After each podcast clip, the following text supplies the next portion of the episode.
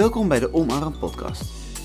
Mijn naam is Tim Wilderman en in de Omarm Podcast probeer ik antwoorden te vinden op geloofs- en levensvragen.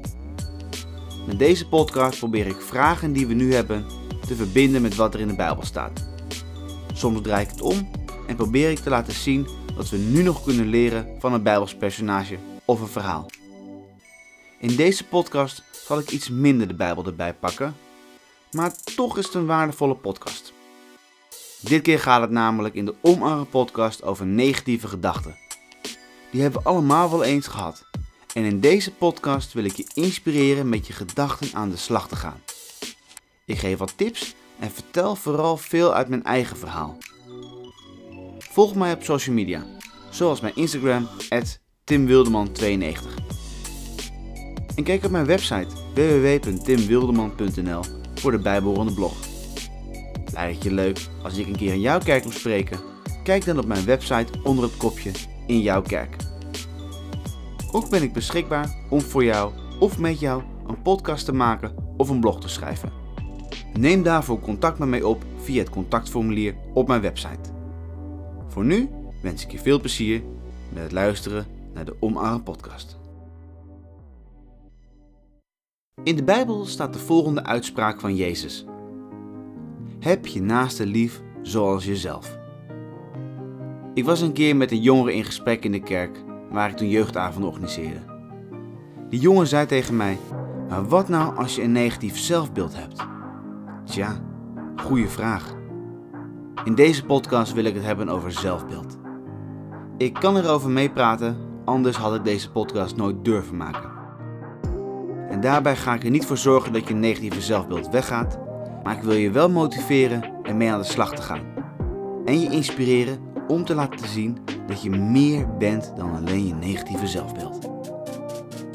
In deze podcast wil ik voorbeelden geven uit mijn eigen leven of anonieme voorbeelden die ik tijdens al mijn gesprekken gehoord heb. Het leven zit vol met twijfels, angst en wantrouwen. Dat kan iets goed zijn. In mijn geval houdt het me scherp. Als ik ergens over twijfel, dan weet ik dat er iets is dat ervoor zou kunnen zorgen dat iets niet zal gaan zoals ik wil. Dan kan ik het uitschakelen door het vanuit een andere hoek te benaderen. Als ik ergens angst voor heb, dan weet ik dat wat me te wachten staat buiten mijn comfortzone is.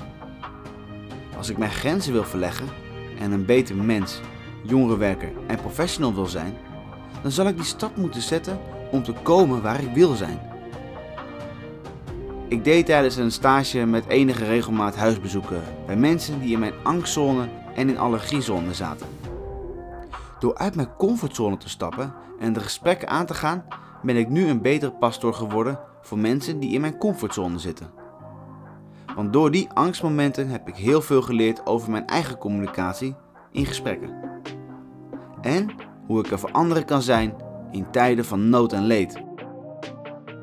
Als ik ergens wantrouwend over ben, dan weet ik dat er iets externs is dat opgelost moet worden of aangepast.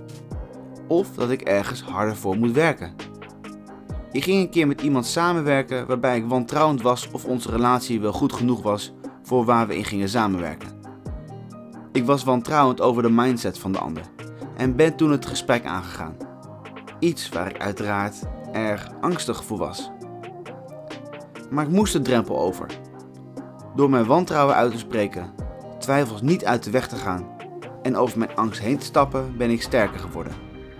Ik sta steviger in mijn schoenen en ben een betere professional dan een aantal jaar geleden. De samenwerking in dit geval was een hele vruchtbare. We zijn samen de confrontatie aangegaan en hebben, ook al werken we al een paar jaar niet meer samen, nog steeds wel eens contact. Daarom, twijfels, angst en wantrouwen zijn iets goeds. Het kan je verder helpen. Schuif het niet weg, want het houdt je scherp.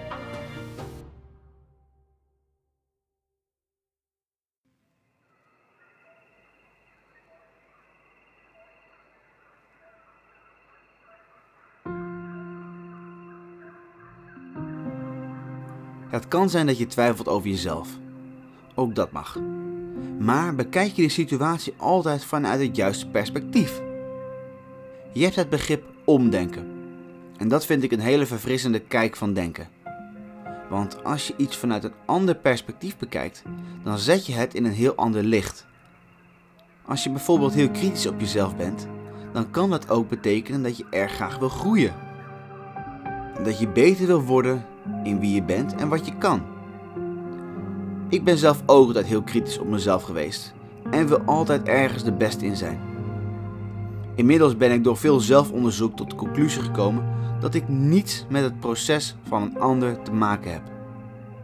Ik zat laatst in de sportschool borstoefeningen te doen op zo'n bankje met gewichten. Komt er op het bankje naast me een meisje zitten die veel lichter is dan ik en waarschijnlijk tussen de 18 en 22 jaar is. Zij pakte zwaardere gewichten. Dan kan ik wel over mijn eigen grens gaan en nog zwaardere gewichten pakken, maar ik kan mij ook focussen op mijn eigen proces. Als ik de zware gewichten pak, dan kan het mijn perspectief op mijn kunnen verbreden. Ga ik te ver in het pakken van gewichten, dan kan ik mijn spieren verrekken en dan ga ik in mijn proces achteruit. Het draait om mij en niet om wie er naast me zit. Soms zie ik ook een hele brede gast staan en dan kan ik wel denken: ik word nooit zo breed of zo sterk. Dat kan, maar ik kan ook blij voor hun proces zijn en gemotiveerd en gedisciplineerd zijn om met mijn eigen proces aan de slag te gaan. Ik weet ook waar ik goed in ben en waar ik niet goed in ben. Toen ik een jaar of drie, vier was, merkte mijn opa dat ik erg goed was met getallen, rekenen en verbindingen maken. Daarom kocht hij een boekje voor mij om samen te kunnen rekenen. Zo kon hij mij dingen leren wat hij superleuk vond. En zo zorgde hij ervoor dat ik op dit gebied een voorsprong had. Zo waren er tijdens wiskundelessen op de middelbare school klasgenoten die zich aan mij optrokken en mij als een soort doel zagen wat behaald moest worden. Om het een beetje in perspectief te plaatsen, wiskunde is het enige vak waar ik van nature in uitblonk. Voor de andere vakken moest ik keihard werken. Als ik samen met Nicole, mijn verloofde, iets gelezen op de bank, dan weet ik dat zij veel sneller leest dan ik. Kan ik me druk om maken, maar ik kan ook letten op mijn eigen proces. Als ik mijn best ga doen om heel erg snel te lezen, dan mis ik de essentie van wat er staat. Op de basisschool kreeg ik extra les in begrijpend lezen. Daar moest ik mij dus echt in ontwikkelen. Ik had als kind wel kunnen zeggen: ik kan het niet of ik word nooit zo goed. Maar ik heb niets met anderen te maken. Het gaat om mijn proces. Tijdens mijn theologiestudie krijg ik soms ook dingen te lezen die ik totaal niet begrijp. En dan krijg ik daar een toets over. Ik heb voor toetsen eigenlijk nooit echt hoge cijfers gehaald omdat ik extra hard moet werken om een voldoende te halen. Dus mijn 6 die ik dan haal is in dat geval veel meer waard dan een 8 van iemand anders. En daarom geloof ik ook niet helemaal in het schoolsysteem met cijfers waarin we nu leven. Het echte leven geeft je geen cijfers van wat je goed kan. Het echte leven gaat erom hoe je je inzet, hoe hard je werkt en hoe je je talenten inzet. Daar kun je veel meer mee bereiken dan met een hoge cijferlijst. Het gaat om wat je leert, niet om de cijfers die je haalt. Daarom zal ik nooit mijn kinderen een negatieve reactie geven als hun rapport niet goed genoeg zou zijn. Want ik geloof dat mensen altijd op hun manier hard zullen werken.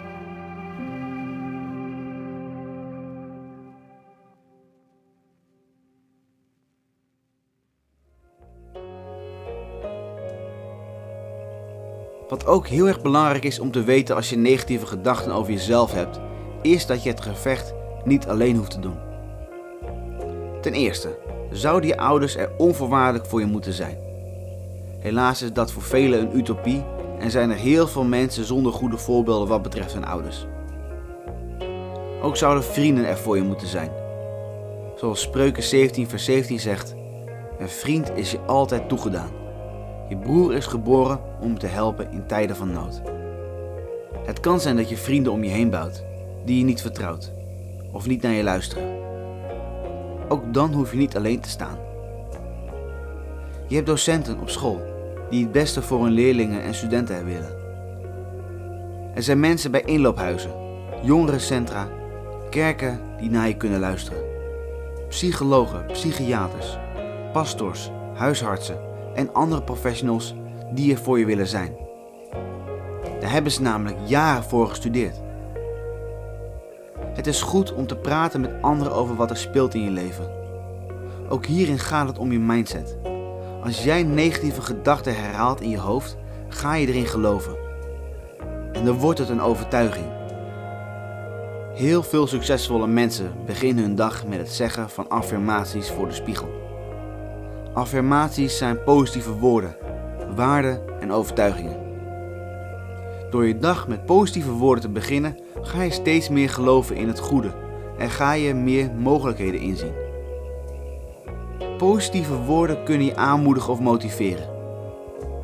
Ze helpen je om je dromen te realiseren of om gewoon wat lekkerder in je vel te zitten. Het is ook een middel voor meer zelfvertrouwen. Positieve affirmaties nemen twijfel, angst, negatieve gedachten en onzekerheid weg. Ik zal er een aantal voor je opnoemen die je tegen jezelf kunt zeggen. Ik ben goed zoals ik ben. Ik ben een liefdevol mens. Ik waardeer wie ik ben. Vandaag is mijn dag. Ik ben dienstbaar voor anderen. Ik ben trots op mezelf. Het is goed om positieve woorden te horen. Van jezelf, maar misschien nog meer van anderen. Zorg daarom voor dat je mensen in je omgeving hebt die je kunt vertrouwen en die je laten omdenken. Mensen die ervoor zorgen dat je beeld van jezelf verruimt. Dat je met een ander en positieve perspectief naar jezelf kijkt. Tot de volgende keer bij de Omarm Podcast.